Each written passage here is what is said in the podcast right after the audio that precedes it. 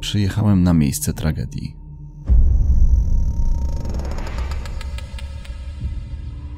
Przechadzam się po parku, w którym znaleziono ciało. Błądzę po miejscach, w których świadkowie mogli widzieć sprawcę. Przyglądam się pozostałościom ogrodzenia dawnej strzelnicy wojskowej. Odtwarzam ścieżkę, którą w 1991 roku po raz ostatni w swoim życiu pokonała Jola.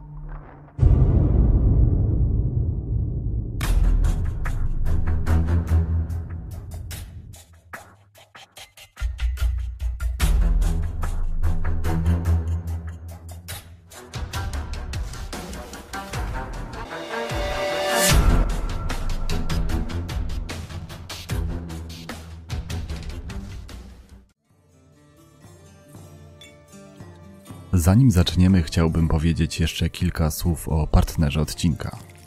Pilsner Urquell to czeski browar, który nieprzerwanie od 1842 roku kontynuuje tradycję ważenia pierwszego, oryginalnego Pilsnera, korzystając przy tym tylko z lokalnych, a przy tym najlepszych czeskich składników. Świeży, niepasteryzowany, delikatny w smaku Pilsner serwowany jest w lokalach typu tankowna, które znajdziesz w największych polskich miastach. To właśnie w nich specjalnie przeszkoleni tapsterzy, a więc najwyższej klasy barmani, nalewają piwo na trzy prawdziwe czeskie sposoby tak, by zawsze smakowało najlepiej jak to tylko możliwe. A tapsterzy znają się na rzeczy i zgodnie twierdzą, że nic nie pobije oryginału.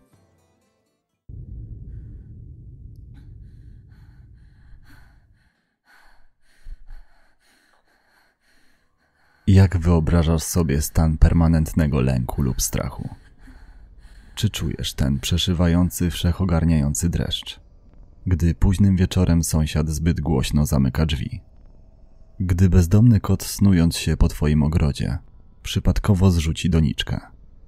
Moment, gdy wyglądasz za okno, by upewnić się, czy podjeżdżający samochód należy do kogoś z okolicy.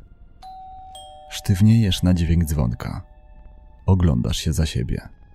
Sprawdzasz, czy ktoś za tobą idzie. A jeśli tak, przyspieszasz i nasłuchujesz kroków. Zastanawiasz się, jak daleko może być, jak szybko się porusza, jakie ma zamiary. A na twoim karku pojawia się stróżka potu, gdy słyszysz, że w okolicy może pojawić się kolejne ciało. Powiedz, boisz się? To teren byłej strzelnicy wojskowej. 28 stycznia 1991 roku ulica ta nazywała się jeszcze Alejami PKWN. W tym samym roku, ale nieco później nazwę zmieniono na Głęboka. Zaledwie kawałek dalej znajduje się miasteczko akademickie UMCS. Kilka akademików, hala sportowa, biblioteka i budynki, w których odbywają się zajęcia. Teraz ze względu na pandemię miejsce to jest nieco opustoszałe. Niemniej w normalnych warunkach miasteczko tętni życiem. Pełno tu knajpek, dyskotek i sklepów. W cieplejsze miesiące aż roi się od piknikowiczów, którzy na rozścielonych kocach grają w karty i uczą się do kolokwiów. Słychać emocjonujące odgłosy dopingu dla grających w piłkę, badmintona czy siatkówkę. Wieczorami słychać krzyki rozbawionych imprezowiczów – a w okresach lokalnych kozienaliów głośną muzykę i śpiew. Miasteczko akademickie UMCS to miejsce, gdzie studenci uczą się i bawią, dlatego chcą się czuć bezpiecznie. 28 stycznia 1991 roku. Lublin. Od kilku dni trwają już poszukiwania 23-letniej studentki piątego roku pedagogiki specjalnej na Uniwersytecie Marii Curie Skłodowskiej. Kobieta zaginęła sześć dni wcześniej, we wtorek 22 stycznia. Około 18 wyszła do koleżanki mieszkającej przy ulicy Leszka Czarnego 7 i nie wróciła do akademika zwanego Heliosem na noc. Studentka planowała powrót o 21, bo kartkę z taką informacją zostawiła na stole. Zwykle trzymała się tego, co mówiła. Nie bała się chodzić po zmroku sama, a całonocne eskapady nie leżały w jej usposobieniu. Dlatego, gdy rankiem następnego dnia Joli wciąż nie było, Jej dwie zaniepokojone współlokatorki zadzwoniły do Doroty. Dziewczyny, u której Jola spędziła poniedziałkowy wieczór, by zapytać, czy przypadkiem nie została u niej na noc. Dorota była więcej niż tylko zaskoczona pytaniem. Powiedziała, że Jola wyszła z jej mieszkania o 21. Była zmęczona i chciała położyć się spać. Była przekonana, że dziewczyna bezpiecznie dotarła na miejsce. Wielokrotnie przecież pokonywała tę trasę samotnie. Studentki przerażone tym, czego właśnie się dowiedziały, niezwłocznie poinformowały o zaginięciu portierkę, lokatorów Heliosa i rodziców Joli, po czym zgłosiły sprawę na policję. Same również próbowały odnaleźć koleżankę. Obdzwaniały jej znajomych, szukały śladów jej obecności w szpitalach. Gdy zwykłe powiadomienie nie zmobilizowało policjantów do odnalezienia 23-latki, dwa dni później jej ojciec zgłosił zaginięcie. Wtedy też rozpoczęły się oficjalne działania. Po wielu dniach żmudnego sprawdzania terenu, wielokrotnego odtwarzania drogi, jaką musiała pokonać 22 stycznia Jola, obszukiwania pustostanów, parkingów, piwnic i śmietników i sprawdzeniu wszystkich lubelskich szpitali.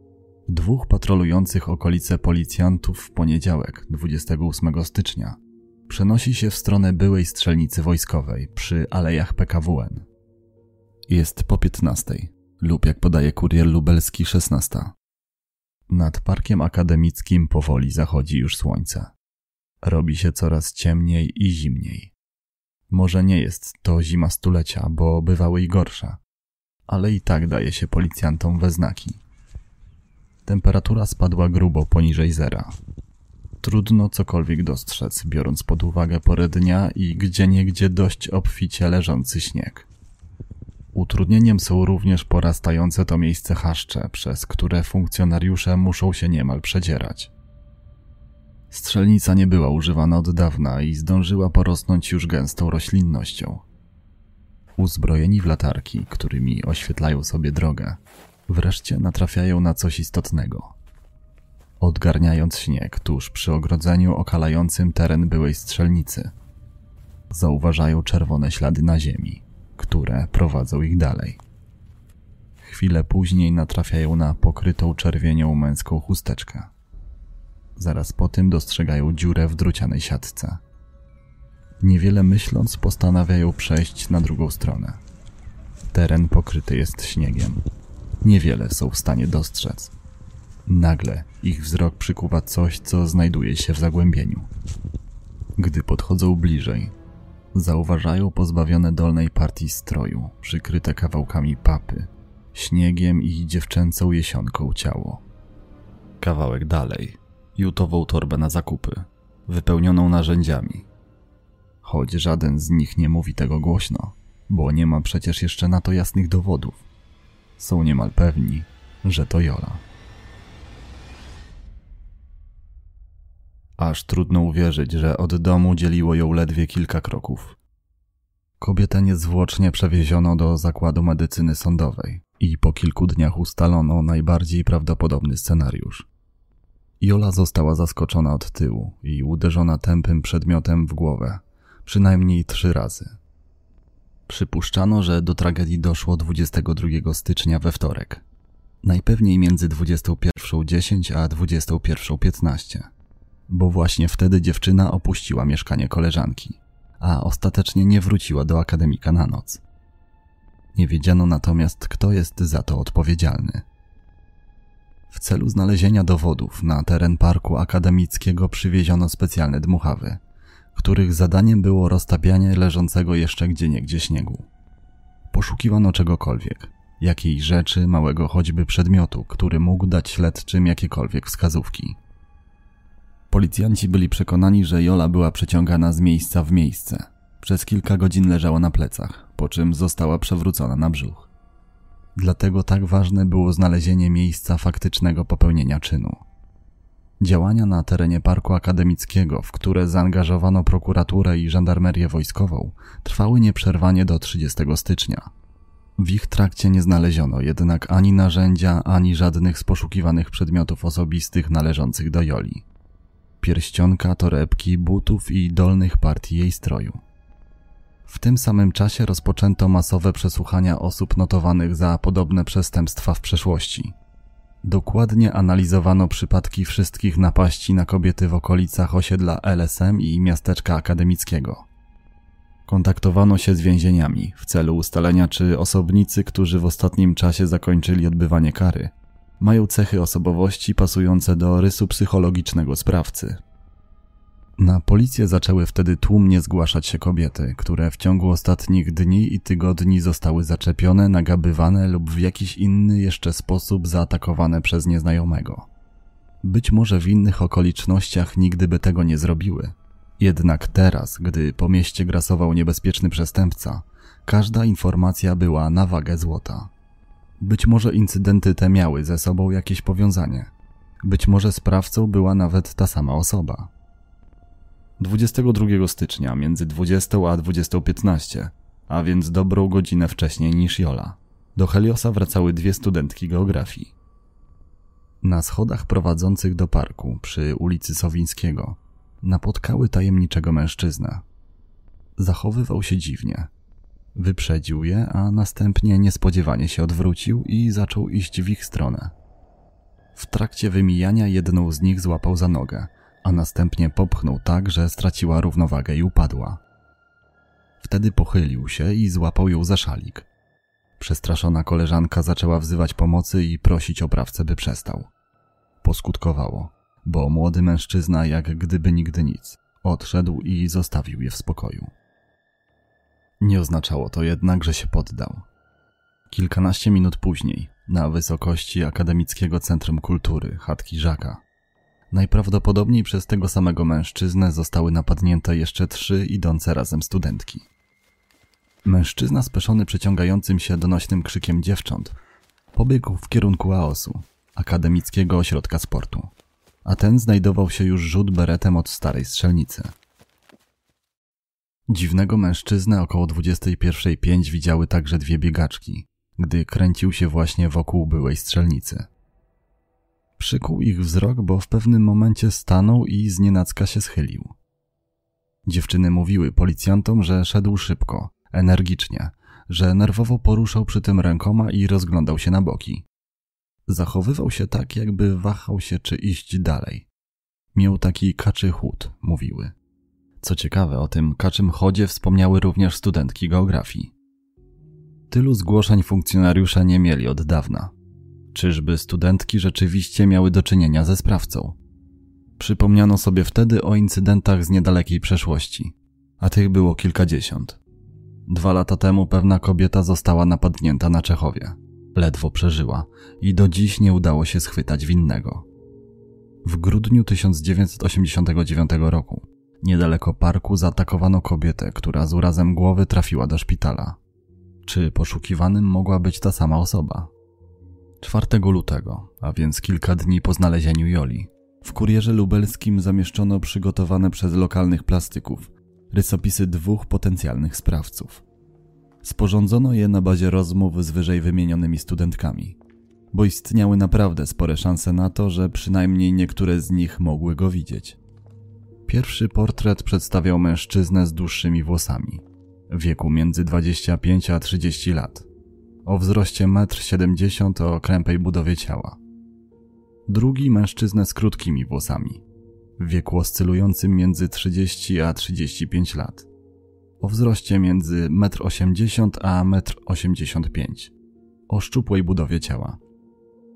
Gazeta zaapelowała ponadto do czytelników o pomoc i dostarczenie policji jakichkolwiek informacji.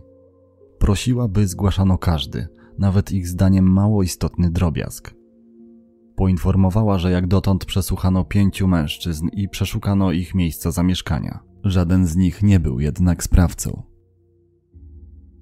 Już od samego początku mieszkańcy Lublina bardzo chętnie współpracowali z organami ścigania. Wielu z nich niemal z marszu, bezpośrednio po przeczytaniu pojawiających się na łamach prasy próśb, udało się na komisariat. Bo być może naprawdę mogli w czymś pomóc w jakiś sposób przybliżyć śledczych do ujęcia tego strasznego człowieka. Bo co jeśli sprawca zaatakuje ponownie? Co jeśli trafi na czyjąś córkę, moją, sąsiada czy koleżanki z pracy? Czy sprawca jest kimś z okolicy? Czy poluje tylko na kobiety? Lublianie przypominali sobie zdarzenia nie tylko z ostatnich dni, ale i lat. Zawiadamiali o nietypowych, podejrzanych osobach kręcących się po osiedlach. Zauważali dziwne zachowania przechodniów. Niektórym z nich wydawało się, że widzieli kogoś pasującego do portretów pamięciowych. Niektórzy byli tego niemal pewni.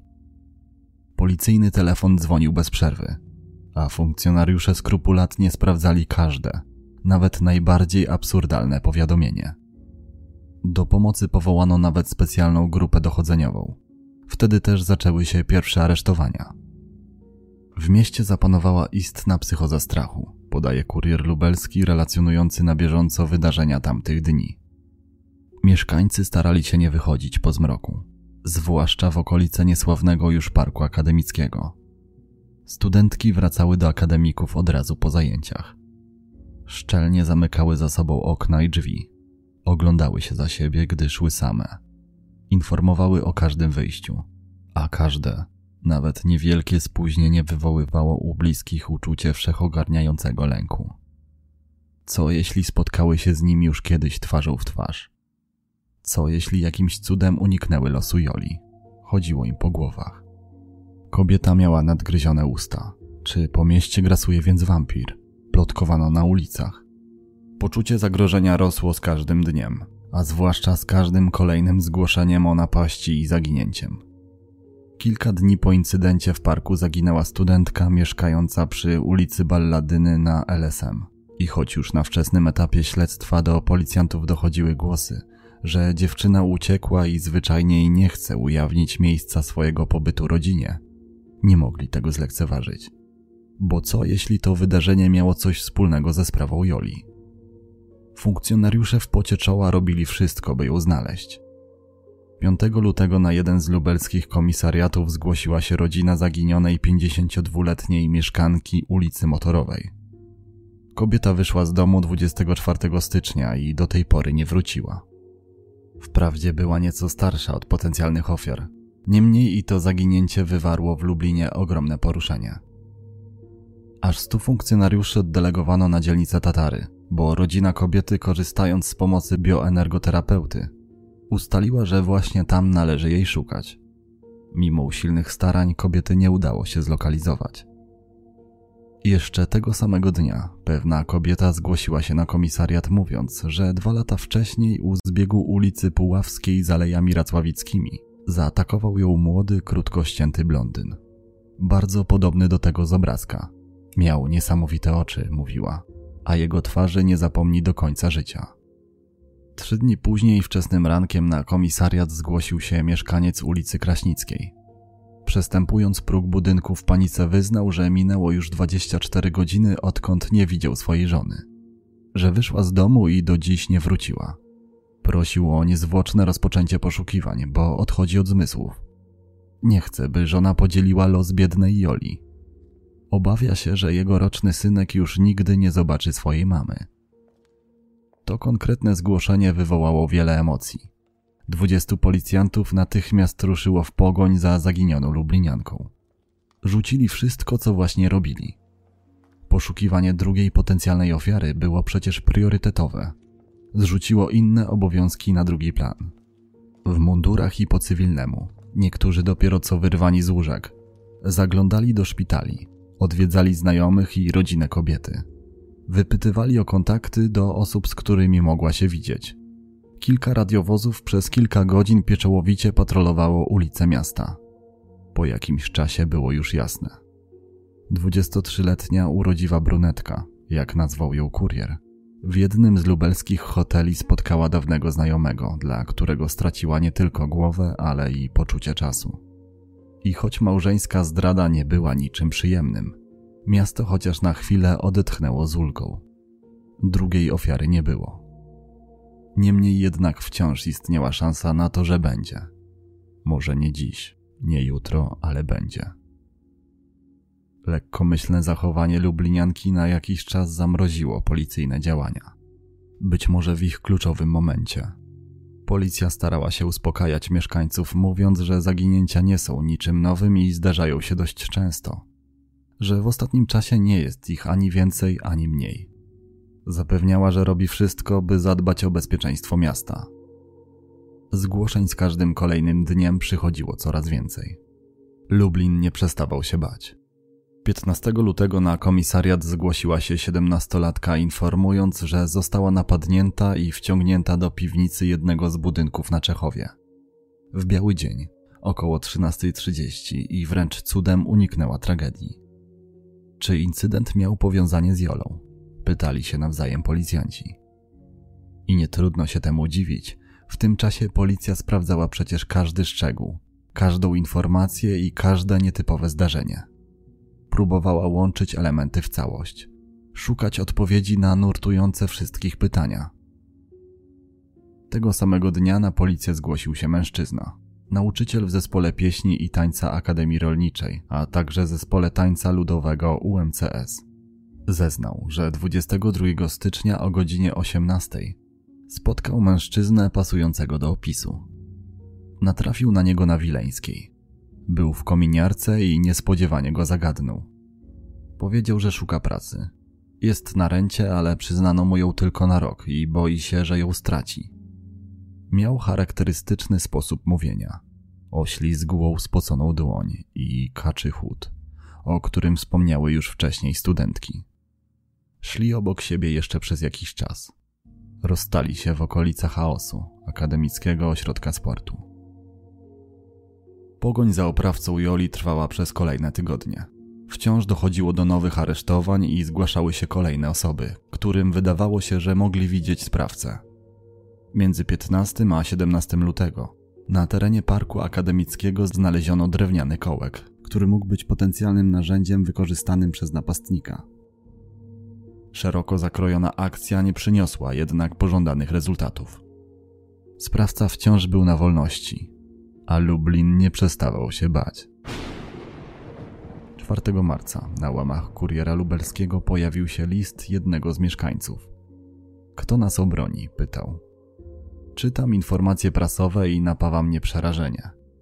W ubiegłym roku zginęło z rąk innego człowieka dziewięć osób.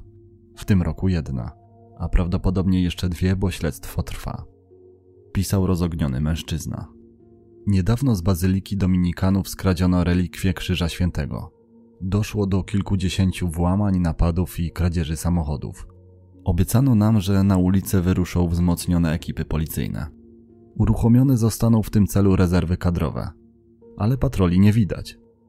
Wcale się nie dziwię, że studenci z Kulu postanowili działać i powołali własne studenckie oddziały samoobrony, by samodzielnie patrolować okolice obu uniwersytetów wieczorami. Być może sprowokowany skargą czytelnika, kurier lubelski już następnego dnia poinformował, że śledztwo w sprawie Joli, które trwa już blisko sześć tygodni, niestety nie doprowadziło jeszcze do schwytania winnego. I choć łącznie zatrzymano kilkunastu mężczyzn, nie wytypowano konkretnego podejrzanego. Oprawcy nie udało się zlokalizować także w kolejnych tygodniach. 27 marca do akcji włączył się UMCS i zaoferował 20 milionów starych złotych za jego wskazanie. A jego studenci w trosce o utrzymanie bezpieczeństwa, podobnie jak ci z Kulu, zainicjowali społeczne patrole na terenie parku akademickiego. 9 kwietnia wciąż nie posiadano jeszcze żadnej wiedzy na temat tego, do kogo należała znaleziona przy Joli w parku akademickim jutowa torba, w której znajdowały się m.in. różne narzędzia, sztućce i rękawice. Na łamach kuriera lubelskiego ponownie poproszono o zgłaszanie się w celu udzielenia jakichkolwiek informacji. Ostatecznie uznano, że wspomniana torba nie ma jednak żadnego związku ze sprawą. Śledztwo umorzono 31 grudnia 1991 roku. Gdy już właściwie tracono nadzieję na jakiś zwrot akcji, w 1992 roku w ręce służb trafił Leszek Pękalski. Początkowo skojarzono go tylko z jednym zdarzeniem, ale wkrótce zaczął przyznawać się do wielu innych. Atakował w różnych miejscowościach, przemieszczał się koleją. Jego modus operandi pasował – w 1994 roku sprawę Joli otwarto na nowo, bo niewykluczone, że Leszek trafił również tu, do Lublina. W Kozim Grodzie zapanowało wówczas przekonanie, że za tragedią studentki właściwie nie może stać nikt inny jak tylko niesławny już wampir z Bytowa. Nadzieja na schwytanie człowieka, który przez ostatnie lata budził strach i poruszanie w sercach Lublinian, sięgnęła zenitu, gdy Pękalskiego zaczęli rozpoznawać świadkowie. Między innymi jedna ze studentek, profesor z Akademii Medycznej, który miał widzieć go 24 stycznia w autobusie, gdy zagadywał do jakiejś dziewczyny. Śmierdział, miał kilkudniowy zarost, nieskoordynowane ruchy i kominiarkę. A także muzyk, który po ponownym podaniu ręki Pękalskiemu z przekonaniem stwierdził, że to dokładnie ten sam uścisk. I gdy wszyscy byli niemalże pewni, że sprawiedliwości w końcu stanie się zadość, mężczyźnie nie udowodniono winy. Do dziś nie wiadomo, kto tak naprawdę skrzywdził lubelską studentkę. Nad sprawą wciąż pracuje lubelski archiwum Mix. Jola była niską, drobną brunetką o delikatnych rysach. Pochodziła spod Parczewa. Miała wielkie serce. Pragnęła nieść pomoc innym. Pracować jako opiekunka osób niepełnosprawnych intelektualnie. Lubiła się uczyć. Od zawsze była wzorową uczennicą. Była powszechnie lubiana, spokojna i bezkonfliktowa. Towarzyska, ale nie imprezowa. Została pochowana na cmentarzu w Dębowej Kłodzie koło Parszewa. Dziękuję bardzo za wysłuchanie historii do końca. Przy okazji dziękuję Liliannie za to, że dołączyła do grona moich wspaniałych patronów. Do usłyszenia wkrótce. Pozdrawiam.